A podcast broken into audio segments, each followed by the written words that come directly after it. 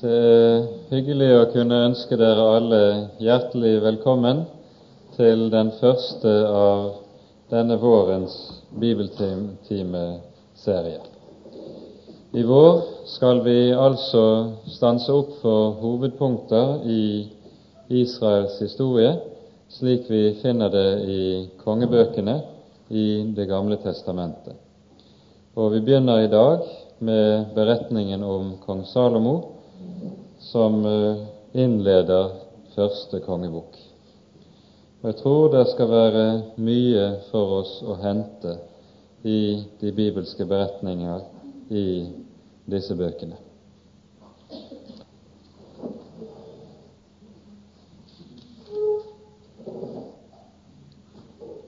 La oss be sammen.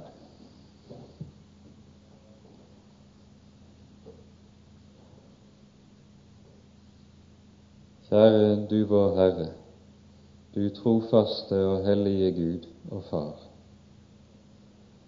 Vi takker og lover deg at vi på ny skal få lov til å samles i ditt navn og om ditt hellige og dyrebare ord. Takk, Herre, at du har gitt deg til kjenne for oss, for at vi skal få lære ditt store navn å kjenne og bli frelst.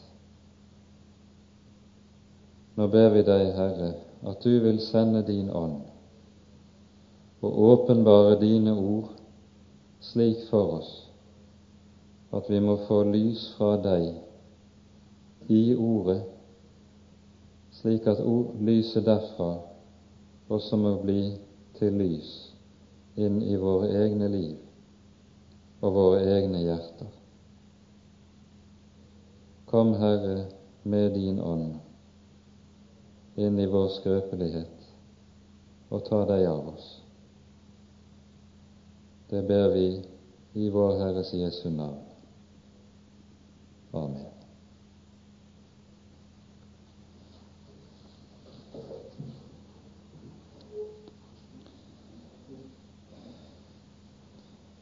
Dagens tema er altså begynnelsen av første kongebok, der vi møter beretningen om Salomo og hans tid som konge.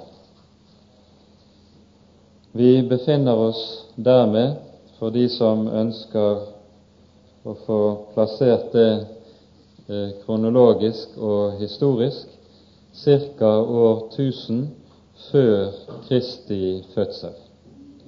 Etter vanlige anslag regjerte Salomo fra år 1015 til år 975 før Kristus, og altså i 40 år. Og hans kongetid danner så å si middagshøyden solhøyden i Israels historie. Fra da av går Israels historie på mange måter nedover bakke og blir også en forfallstid. Men med David og med Salomo befinner Israel seg på sitt høydepunkt. Og Dette henger sammen med folkets åndelige tilstand i denne tid. Det har vi pekt på tidligere.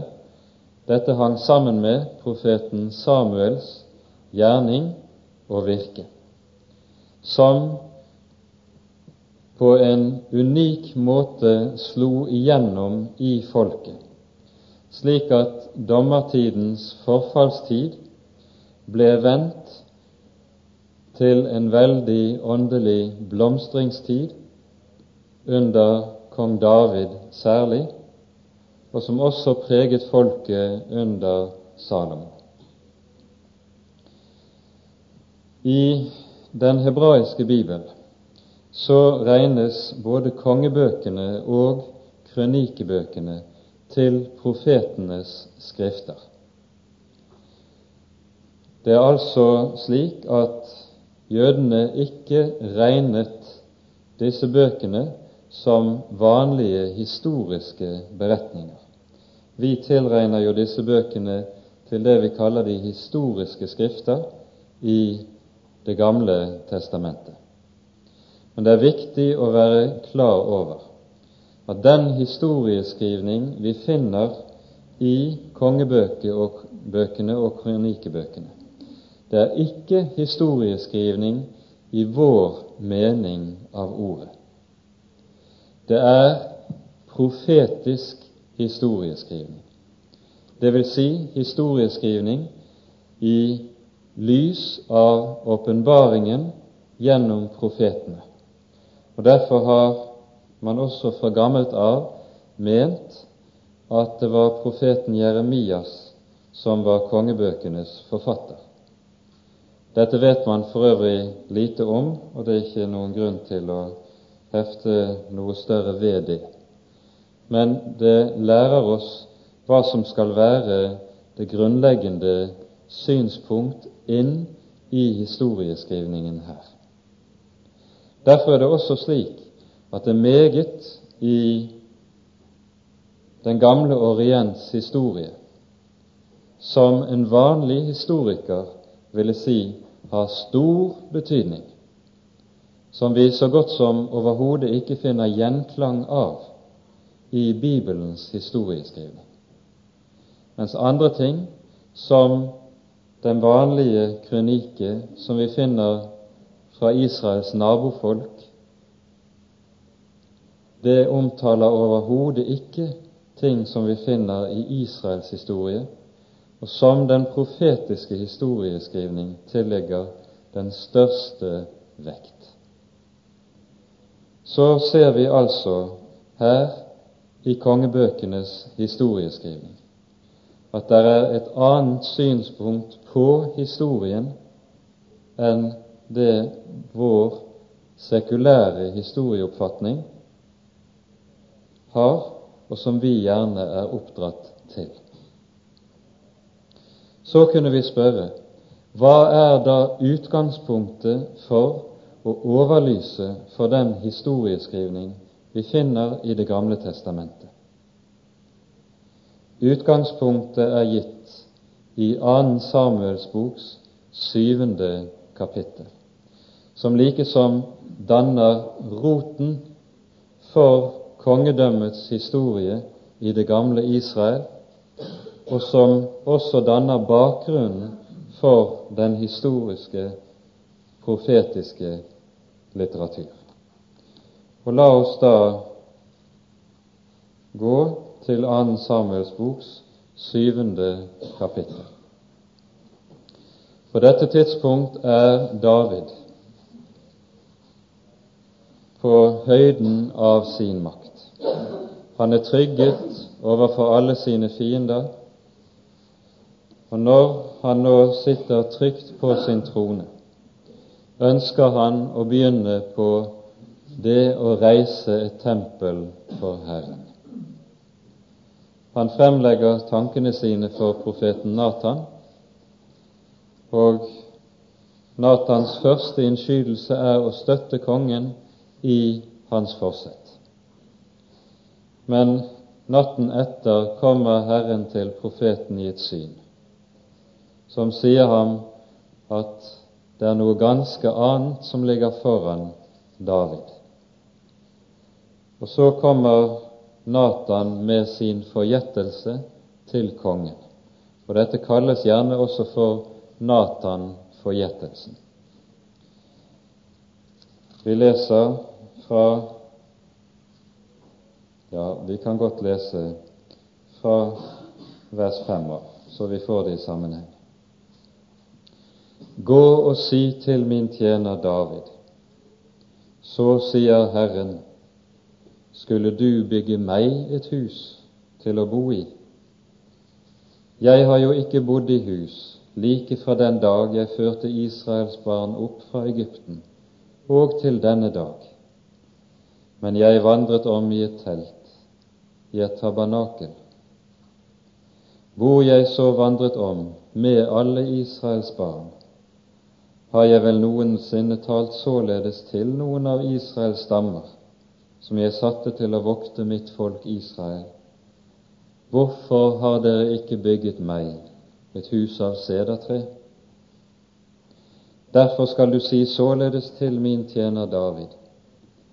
Så sier Herren, herskarenes Gud, jeg tok deg fra havnegangen, hvor du gikk bak fårene, for at du skulle være fyrste over mitt folk Israel. Og jeg var med deg overalt hvor du gikk, og utryddet alle dine fiender for deg. Og jeg har latt deg vinne et stort navn, så stort som de størstes navn på jorden. Og jeg har gjort i stand et bosted for mitt folk Israel, og jeg har plantet det der, så det bor i sitt hjem og ikke uroes mer, og urettferdige mennesker ikke plager det lenger som før. Like fra den dag jeg satte dommere over mitt folk Israel, og jeg har latt deg få ro for alle dine fiender. Og nå forkynner Herren deg at Herren vil bygge deg et hus. Når dine dagers tall er fullt, og du hviler hos dine fedre, da vil jeg etter deg oppreise din sønn, som skal utgå av ditt liv, og jeg vil grunnfeste hans kongedømme. Han skal bygge et hus for mitt navn, og jeg vil trygge hans kongetrone til evig tid. Jeg vil være hans far, og han skal være min sønn. Når han gjør det som ondt er, vil jeg tukte ham med menneskers ris og med menneskebarns plager. Men min miskunnhet skal ikke vike fra ham, således som jeg lot den vike fra Saul, han som jeg lot vike for deg. Fast skal ditt hus og ditt kongedømme stå til evig tid for ditt åsyn. Din trone skal være grunnfestet til evig tid. Dette løftet som Natan her kommer med til David, er roten til hele kongetidens videre historie. For her finner vi for det første løftet om at Davids hus skal bli stående, hvorledes det enn går, hvorledes historien enn omskiftes i til dels store og dramatiske omveltninger. Davids hus skal bli stående inntil Han kommer som løftet først og fremst sikter frem imot. Det er løftet om Messias som her møter oss, og som klargjøres for oss. Dette ser vi at når det tar av at David senere anvender det løftet som her er gitt, i direkte Messias-profeti, slik vi finner det i 2. Samuels boks 23. kapittel i en rekke av Davids salmer. Her kan bare nevnes Salme 2 og Salme 110 og også Salme 89 for de som kjenner dem. Dette løftet møter vi en gjenklang av på ny og på ny i kongebøkene. For stadig så hører vi om Israels konger, at de faller, at de sviker, at de faller fra Herren sin Gud. Og på ny og på ny sier Herren gjennom sine profeter. Dog gjorde Herren ikke ende på dem, for Herren ville la en lampe brenne for Davids hus. Herren sørget altså for at dette hans løfte skulle oppfylles gjennom historiens gang. Den som i første omgang og umiddelbart oppfyller dette løftet, det er nettopp Salomo. Han er den som i utvortes forstand bygger Herrens tempel. Det var også den viktigste gjerning i Salomos kongetid. Og Derfor er det slik at han er den som direkte oppfyller denne profetien. Men fordi Natans forgjettelse har dobbelt bunn, idet den også sikter frem mot Messias som kommer, blir det da også slik at Salomo i sin kongsgjerning kommer til selv å bli et bilde.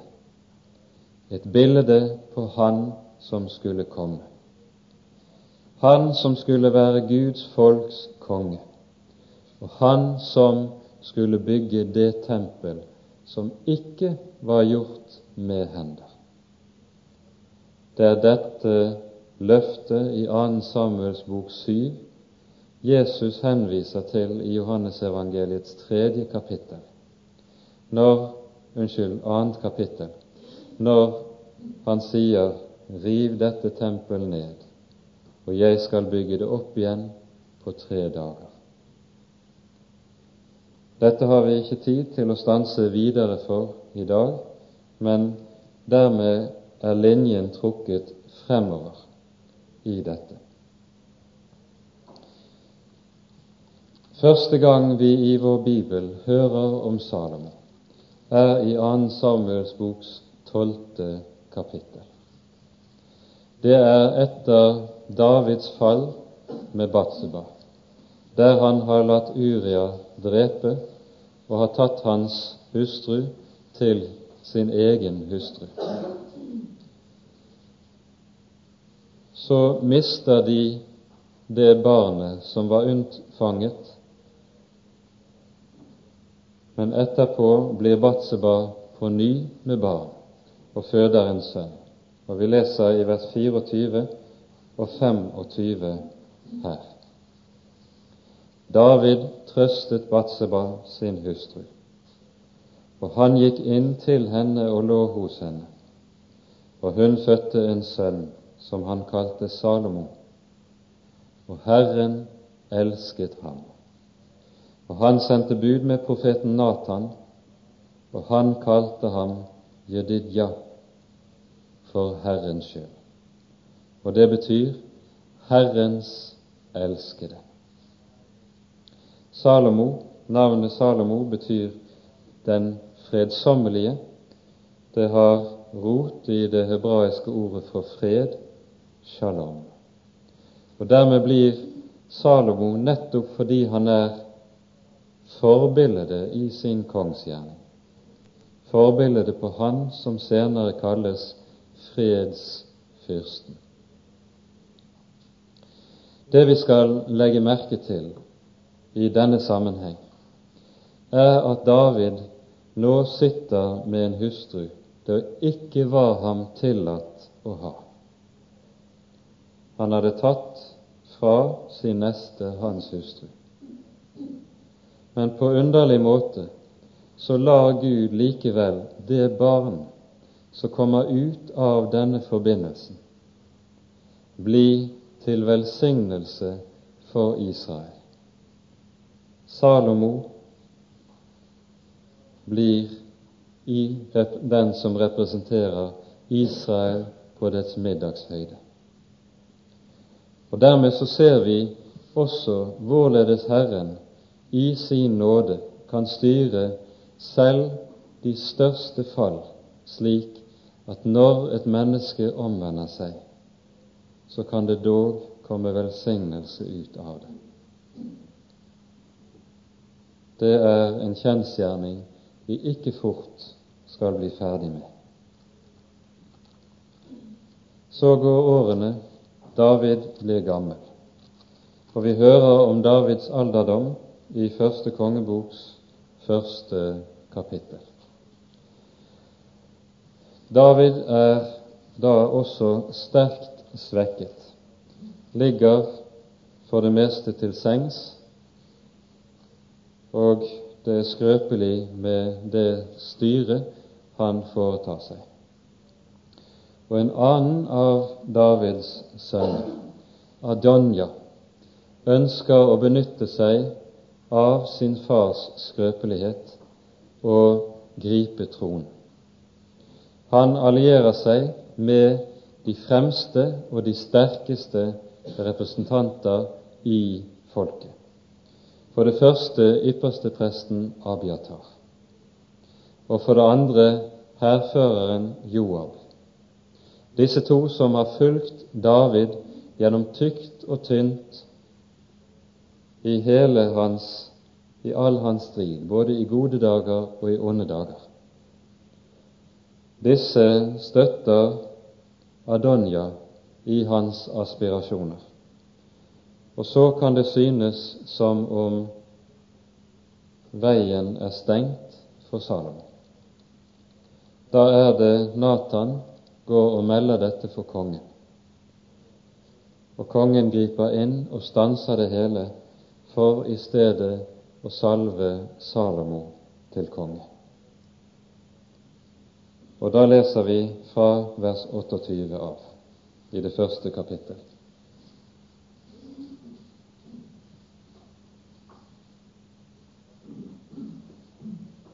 Da tok kong David til orde og sa, Kall Batseba inn til meg. Og hun kom inn og trådte frem for kongen. Og kongen svor og sa, Så sant Herren lever, han som har utfridd meg fra all trengsel, som jeg har tilsvoret deg ved Herren Israels Gud. Salomo, din sønn, skal være konge etter meg, og han skal sitte på min trone i mitt sted. Så vil jeg gjøre på denne dag. Da bøyet Batseba seg med ansiktet mot jorden og kastet seg ned for kongen og sa:" min Herre kong David, leve evinnelig.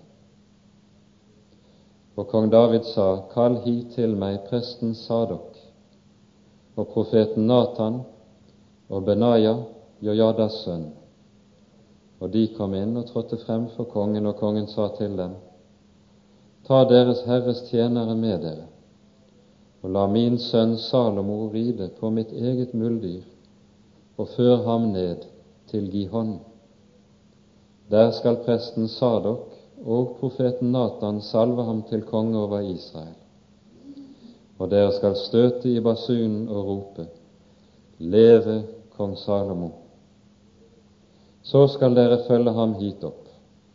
Og når han kommer, skal han sette seg på min trone, og han skal være konge i mitt sted. Det er ham jeg har utsett til fyrste over Israel og Juda. Og slik salves Salomo ved kongens direkte inngripen. Og når Adonja og hans medsammensvorne får høre dette, fylles de av frykt og flykter hver til sin kant. Men at de ikke oppgir sine aspirasjoner på tronen, det hører vi videre om i det annet kapittel, uten at vi behøver å gå videre inn på det. Salomo blir tvunget til meget kontant å rydde opp i det truende opprøret som stadig ligger under eller bak overflaten. Og først når hans fiender er borte, er kongemakten truet.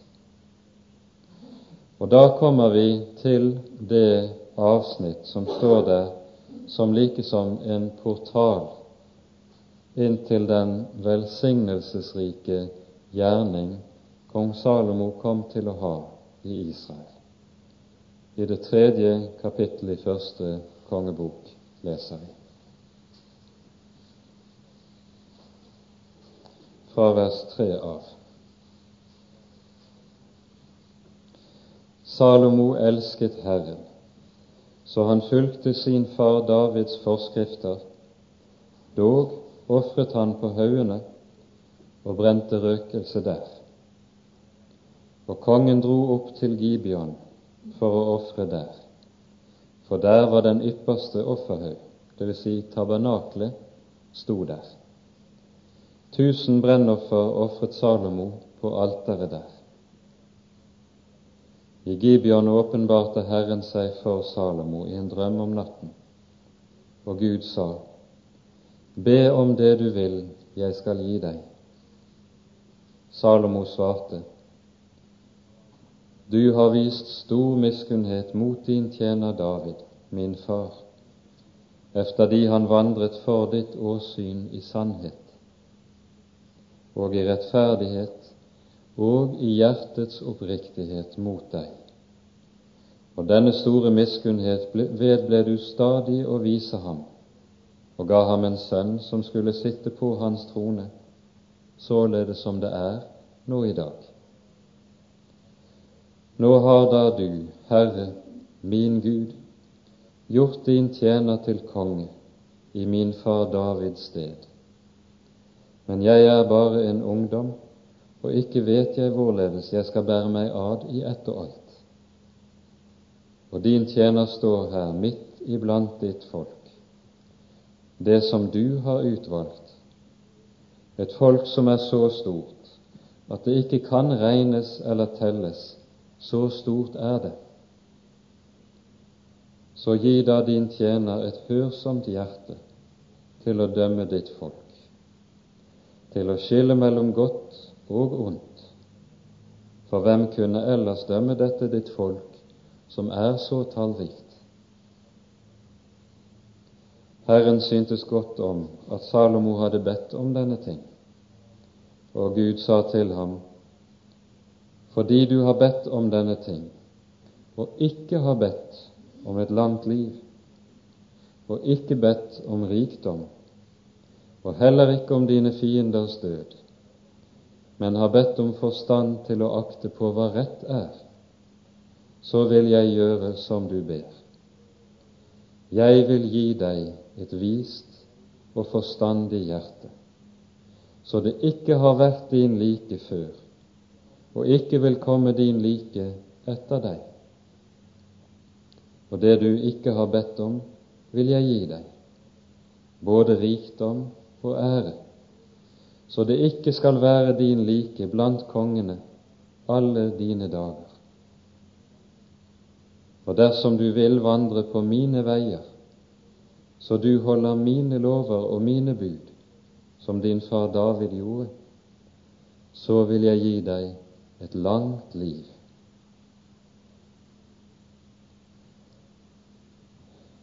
Her i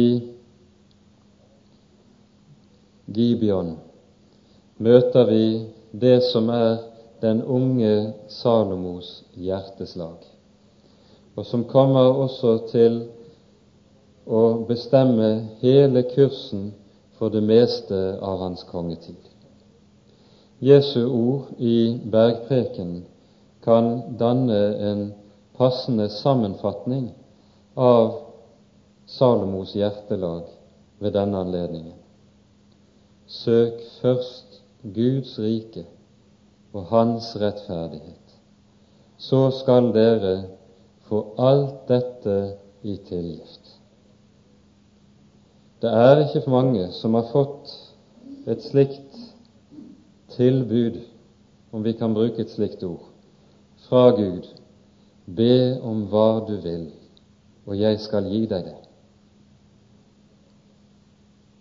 Og enda færre er det som ville ha bedt om det Salomo ba om. Vi vet hvordan vi er, og hvordan vi bruker enhver anledning for vårt eget kjød til å søke vårt eget. Det gjør Salomo ikke. Han står der som den unge konge. 19-20 år gammel var han da han ble salvet, og føler seg hjelpeløs og tilrådig i forhold til sin, sitt kall og til den store oppgaven Herren har satt ham til. Og Derfor er det også ett han ber om, ett han søker, og han skjønner at det er ett som er nødvendig for ham. Gi din tjener et hørsomt hjerte. Dette skulle jo være alle Guds barns bønn, men først og fremst deres bønn som er satt til å være hyrder og ledere i Guds rike, og for så vidt også de som er satt i, på det verdslige området til å være ledere, konger eller hva det må være.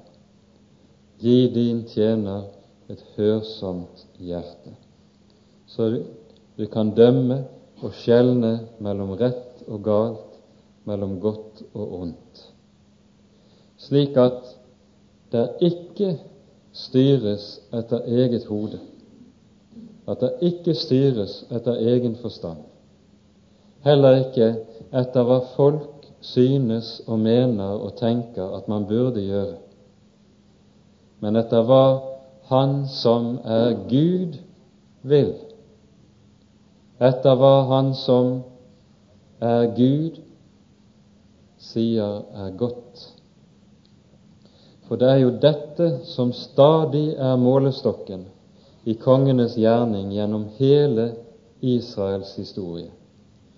Er deres gjerning god eller ond i Herrens øyne? Og altfor ofte står det om Israels konger at det de gjorde, var ondt i Herrens øyne men vi forstår at det altfor ofte samtidig var godt i folkets øyne, det som var ondt i Herrens. Guds røst er sjelden folkets røst. Gi din tjener et hørsomt hjerte. Og som svar på denne bønnen får Salomo Guds løfte Herren sier, 'Jeg vil gjøre som du ber'. Jeg vil gi deg et vist og forstandig hjerte, så det ikke har vært din like før, og ikke vil komme din like etter deg. Og Dermed blir det slik, som vi hører om Salomo, både ved utgangen av dette kapittel, at han får en visdom som er ovenfra, som gjør at det aller meste av hans regjering kommer til å bli stående under Guds rike velsignelse. For der folkets ledere styrer etter Guds råd, der kommer velsignelse også hele folket til del, ikke bare han som styrer.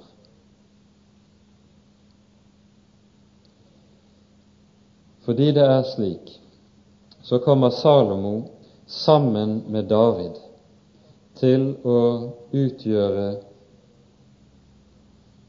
høydepunktet i det som er den andre litteraturperiode i den gammeltestamentlige eh, i det gammeltestamentlige forfatterskap.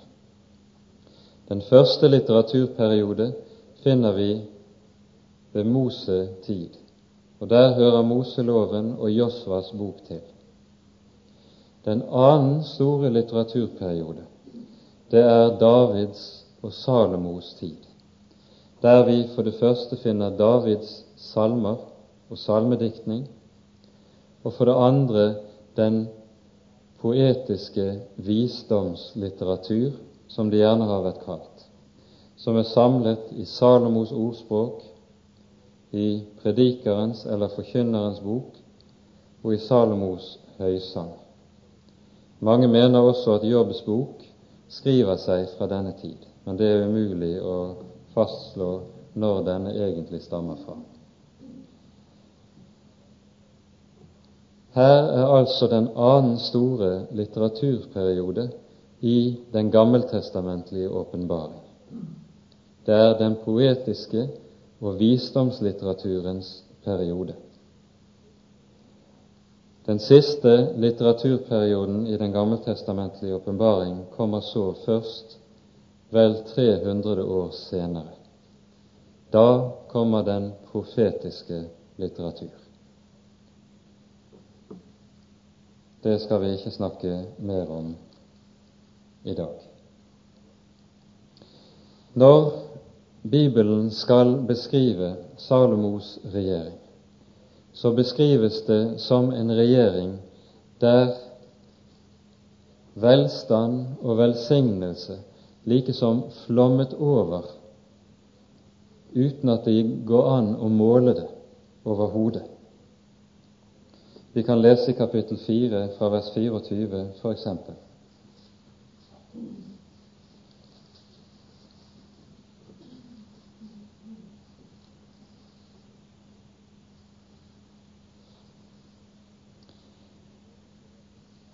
Han rådet over hele landet vest av elven, fra Tifsa like til Gaza, over alle kongene vest for elven, og han hadde fred på alle kanter rundt omkring. Juda og Israel bodde trygt, hver mann under sitt vintre og under sitt fikentre, fra Dan like til Beersheva, så lenge Salomo levet. Og fra vers 29.: Gud ga Salomo visdom og overmåte megen innsikt og en forstand vidt omfattende som sanden på havets bredd. Salomos visdom var større enn alle Østens barns visdom og all egypternes visdom. Han var visere enn alle mennesker, enn esrahitten Etan og Mahols sønner, Heman og Kalkol og Dardar. Og hans navn var kjent blant alle hedningfolk rundt omkring. Han laget 3000 ordspråk, og hans sanger var 1005, og så videre. Og mer Her hører vi om hans visdom, og så hører vi videre utover i det tiende kapittel, når dronningen av Saba kommer til ham. Og alt det som var av rikdom som landet likesom flommet over av da.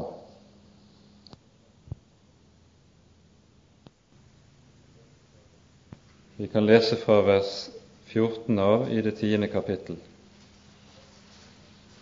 Vekten av det gull som i ett år kom inn til Salomo, var 666 talenter. Talenten var i parentes bemerket et vektmål og én talent sølv, sølv tilsvarte 20 årslønner for en vanlig arbeider.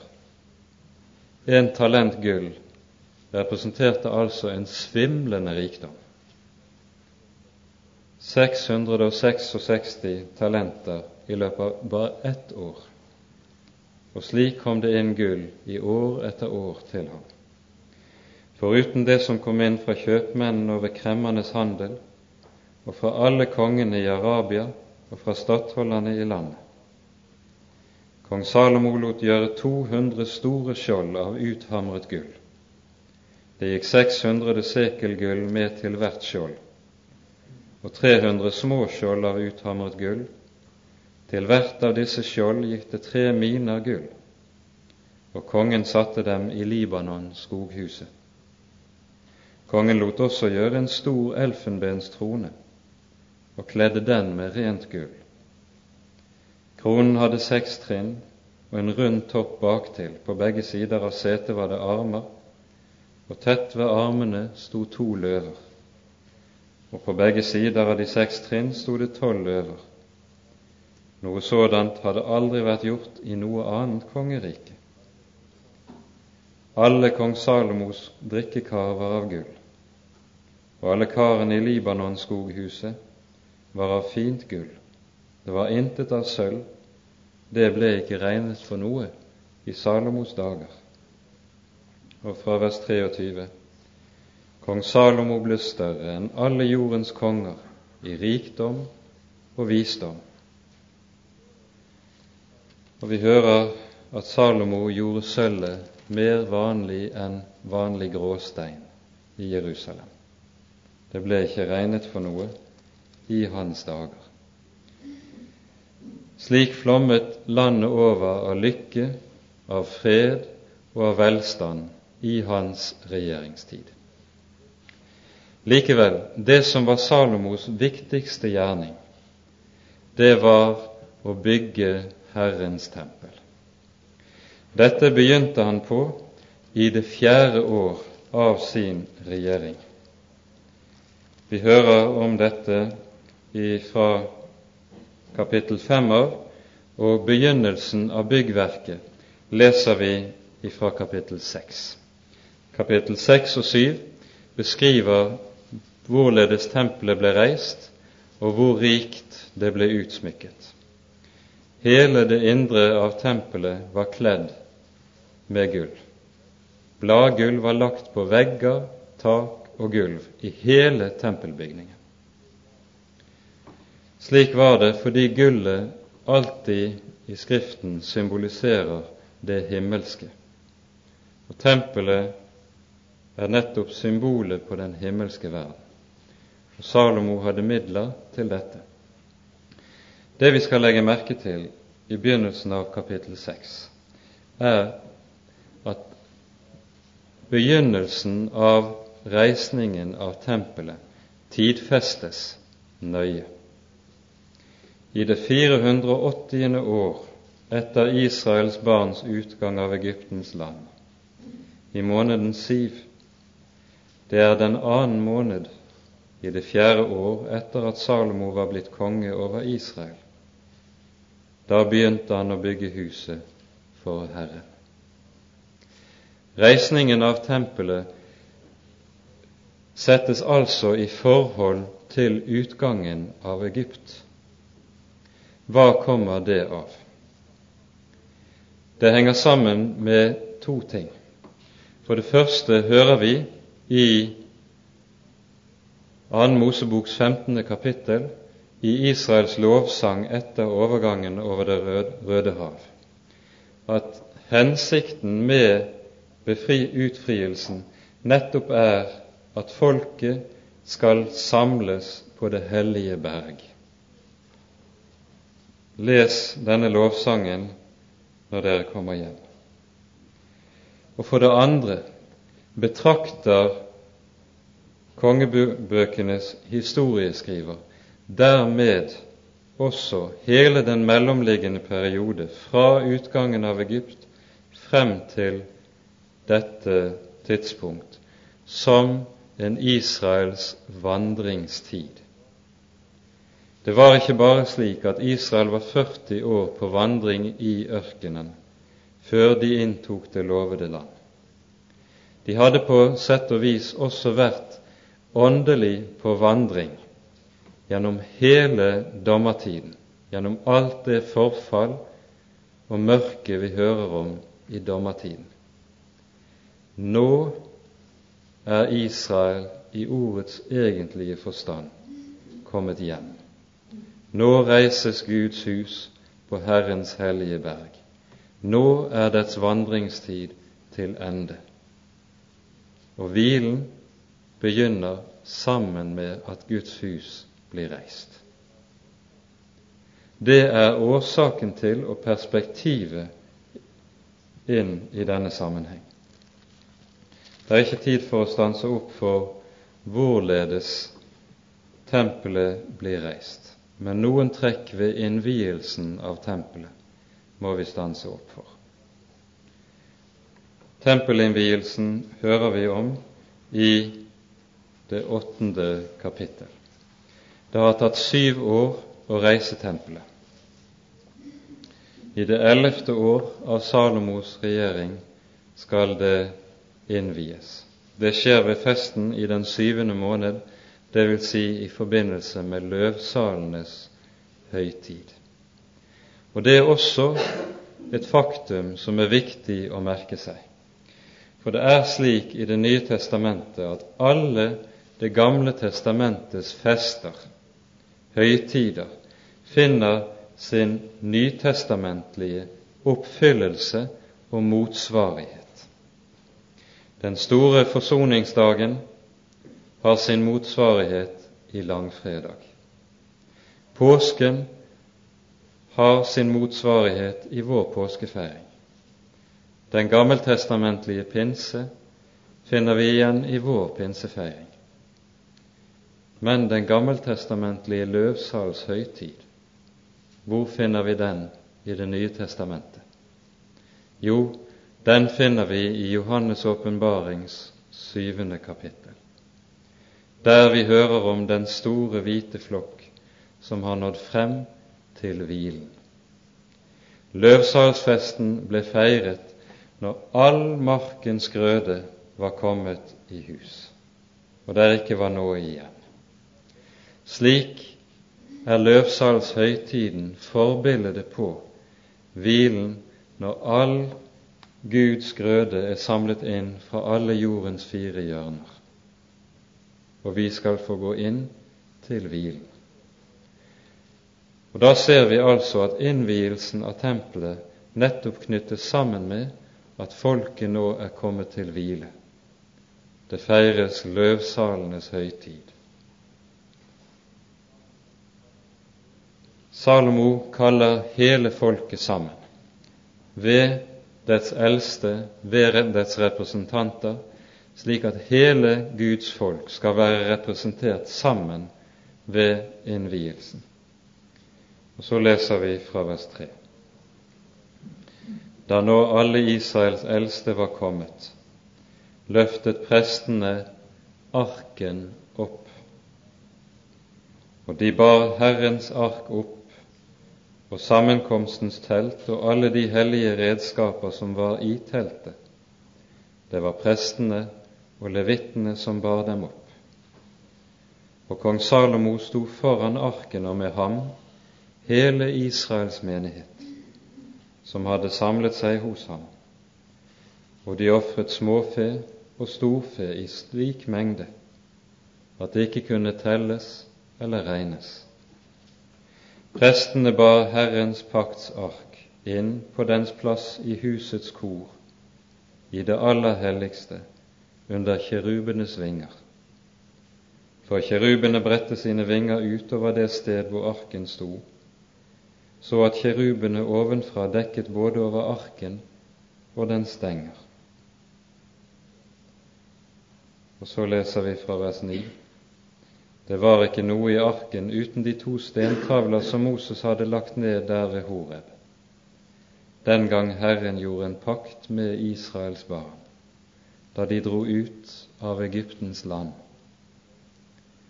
Så skjedde det at da prestene gikk ut av helligdommen, da fylte skyen Herrens hus. Og for skyens skyld kunne prestene ikke bli stående og gjøre tjeneste, for Herrens herlighet fylte Herrens hus. Da sa Salomo, Herren har sagt at han vil bo i mulme. Det som her skjer, er at det er Gud selv som kommer og innvier tempelet. Og det skjer på akkurat samme vis som da Moses reiste tabernaklet ved Sinai, og som vi leser i 2. Moseboks 40. kapittel. Herren gikk jo foran Israel under hele ørkenvandringen, i en skystøtte om dagen og i en ildstøtte om natten for å lede dem og vise dem på veien. Og denne skystøtten, ildstøtten, kalte Israel for Herrens herlighet. Det er denne Herrens herlighet som nå på ny åpenbarer seg for Guds folk og beseiler Salomos tempel. Der vil Herren bo midt iblant sitt folk. Og vi skal legge merke til at dette er selve grunnsannheten om tempelet. At det er der i tempelet der hvor soningen skjer, der hvor synd forlates, det er der Herren bor og er nærværende i sitt folk. Intet annet sted. Det er vekten av og betydningen av det som her skjer. Og Derfor leser vi også i det niende kapittel. Da Salomo var ferdig med å bygge Herrens hus og kongens hus og alt det hans hus sto til å utføre, da åpenbarte Herren seg annen gang for Salomo, like som han hadde åpenbart seg for ham i Gibeon. Og Herren sa til ham, Jeg har hørt din bønn og ydmyke begjæring som du bar frem for mitt åsyn. Jeg har helliget dette hus, som du har bygget, så jeg lar mitt navn bo der til evig tid, og mine øyne og mitt hjerte skal være der alle dager. Og så skal vi legge merke til at dette Herrens løfte gjelder like meget og i like sterk grad i det tempel som vi kan kalle for den nye pakts tempel, som er Kristi menighet på jord. Jesus ba i sin ypperste prestelige bønn, Fader, jeg vil at der hvor jeg er, der skal også de være som du har gitt meg, for at de skal se min herlighet. Den herlighet du ga meg før verdens grunnvoll ble lagt. Og om dette tempel sier også Gud, mine øyne og mitt hjerte skal være der alle dager, tempelet av levende stener. For Herren har sagt, at han vil bo i mulme. Det Salomo sa ved den anledning, gjelder også om den nye pakts tempel og menighet. Så her møter vi uhyre meget av det som er forbilledlig i Det gamle testamentets gudstjenesteliv. For når han som Salomo er forbildet på kommer, så hadde han nettopp som sitt kall å bygge Herrens tempel, det tempel som ikke er gjort med hender. Dette taler særlig profeten Sakarias om i sitt tredje og sjette kapittel, uten at vi har tid til å gå inn på det. Han som er fredsfyrsten, vår Salomo, har bygget og bygger for å bo iblant oss. det som skjer her ved innvielsen av tempelet til Salom, det har også den største betydning for hele Israels videre historie.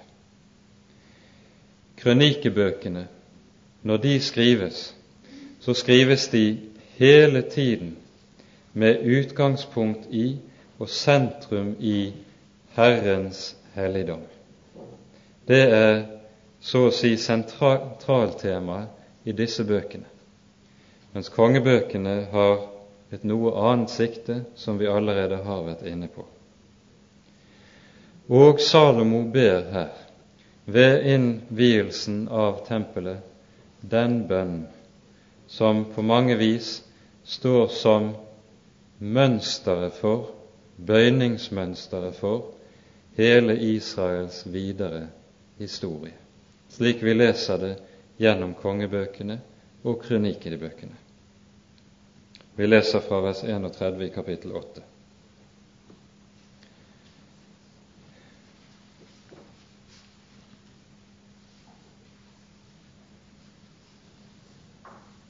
Nei, unnskyld, vi leser fra vers 33. Når ditt folk Israel blir slått av fienden, fordi de synder mot deg, men de så vender om til deg og bekjenner ditt navn og ber til deg og bønnfaller deg om nåde i dette hus, så vil du høre det i himmelen og forlate ditt folk Israels synd og føre dem tilbake til det land du har gitt deres fedre.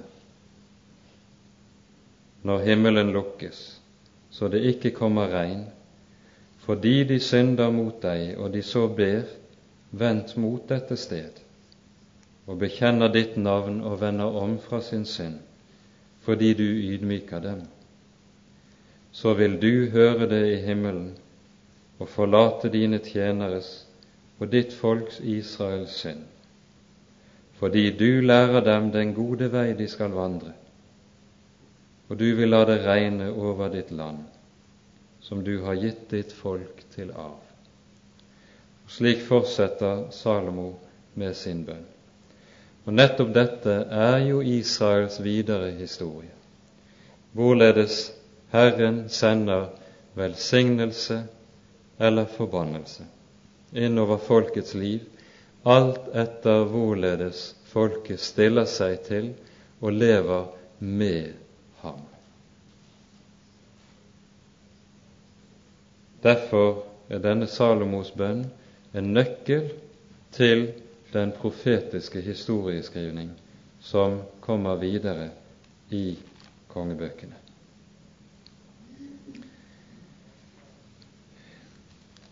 Om Salomos regjering var herlig, og begynte herlig, så ender den med sorg. Vi leser fra det ellevte kapittel slik.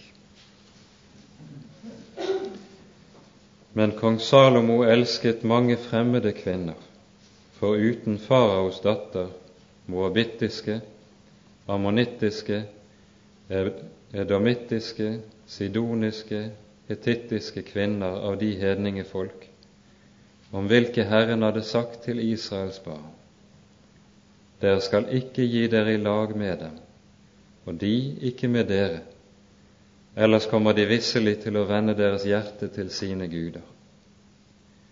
Til dem holdt Salomo seg, og han elsket dem. Han hadde 700 hustruer av fyrstelig rang og 300 medhustruer. Disse hans hustruer bøyde hans sinn.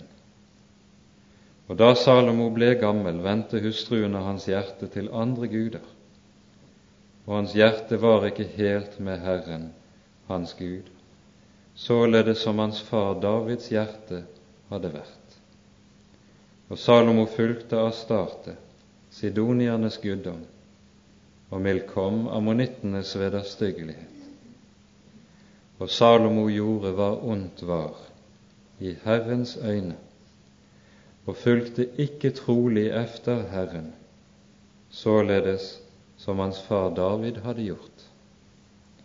På den tid bygget Salomo en oppforhaug for Kamos, Moabs vederstyggelighet, på det fjell som ligger midt imot Jerusalem, dvs. Si Oljeberget, og for Molok, Ammons barns vederstyggelighet.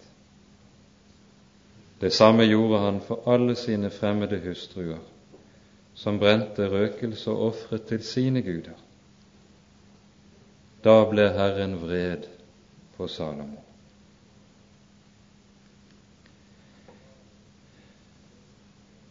Salomo og det som skjer med ham her, det skal vekke oss både til ettertanke og til Guds frykt. For dette lærer oss noe helt grunnleggende og vesentlig, nemlig at om et menneske er aldri så rikt velsignet av Gud, om et menneske har fått aldri så store åpenbaringer fra Gud, om et menneske har utrettet aldri så meget i Guds rikes tjeneste, så er intet av dette noen garanti mot at det skal falle. Selv den som er stilt aller høyest, den som har fått de aller rikeste gaver fra Herren, kan komme på fall, like som Salomo gjorde det. Og spør vi oss hva grunnen til Salomos fall ligger i, så tror jeg grunnen er gitt oss i hans egne ordspråk. For det som verset som på mange måter kan sies å utgjøre overskriften til ordspråksboken, ordspråkene 1.7, der står det slik Å frykte Herren er begynnelsen til visdom. Visdom og tukt foraktes av dårer. Det Salomo, det som skjedde med Salomo her, det er at han glemte det som var selve begynnelsen å frykte Herren.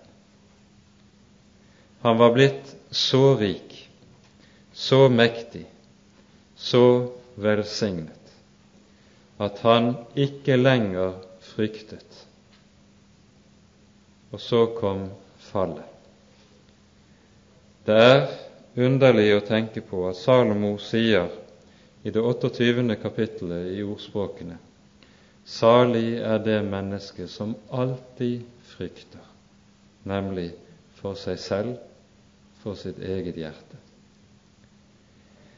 Og Dette skal vise oss at det er ikke bare det som vi mennesker kaller prøvelser, som er prøvelser. Det er ikke bare det vi mennesker kaller prøvelser, som er farlige for oss. For oss. Men det å oppleve stor medgang og stor velsignelse representerer like meget både en fristelse og en prøvelse for oss. Og det ser ut til, det ser vi i bibelhistorien og i kirkehistorien, at langt flere har falt i gode tider enn i onde tider. Langt flere har mistet livet i Gud når de hadde det bare godt og bare medgang, enn når de led i trengsel og i nød. For det som skjer i medgangen og de gode dager, er at da fristes vi til å stole på oss selv og greie oss selv, i stedet for at vi lever som de der er avhengige av Herren. Å frykte Herren er begynnelsen til visdom. Å komme bort fra det som er begynnelsen, det er det som er farlig, og det er det de gode tider alltid drar oss i retning av. Derfor tror jeg også det er som det er i Norge i dag hvor vi vel aldri har hatt det så godt i materiell forstand som vi har det nå, men derfor heller ikke har opplevd et slik frafall fra troen og fra Guds ord som vi har opplevd i vår tid, i min generasjon. Det skal sterk rygg til å bære gode tider, sier et gammelt ord og det gjelder i høy grad i åndelig forstand. Underlig er det da å se at Salomo, som i rikt mål fikk oppleve at det er Herrens må velsignelse som gjør rik, og at eget strev ikke legger noe til. Han opplevde også å miste all denne velsignelse fordi hjertet hans ble selvsikkert og trygt i rikdommen. Så får Salomo også en trist død, en død som står i skarp kontrast til Davids, hans fars. På Davids dødsleie hører vi hvorledes han ser frem imot den kommende Messias. og lenges etter å se hans dag. Vi hører ham hjertelig be og tilbe Herren. Vi hører han også formane sin sønn inderlig om å frykte Herren og vandre på hans veier. Ingenting av dette finner vi ved Salomos dødsleie. Bare en dyp taushet.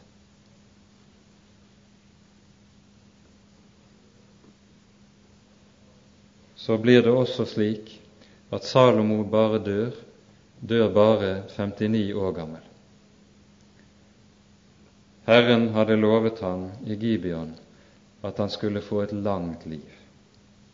Men fordi han på sine eldre dager falt fra troen, gikk ikke det løftet i oppfyllelse. Etter 59 års levetid går han ut av verden, og det er i skumring og det er mørke over landet.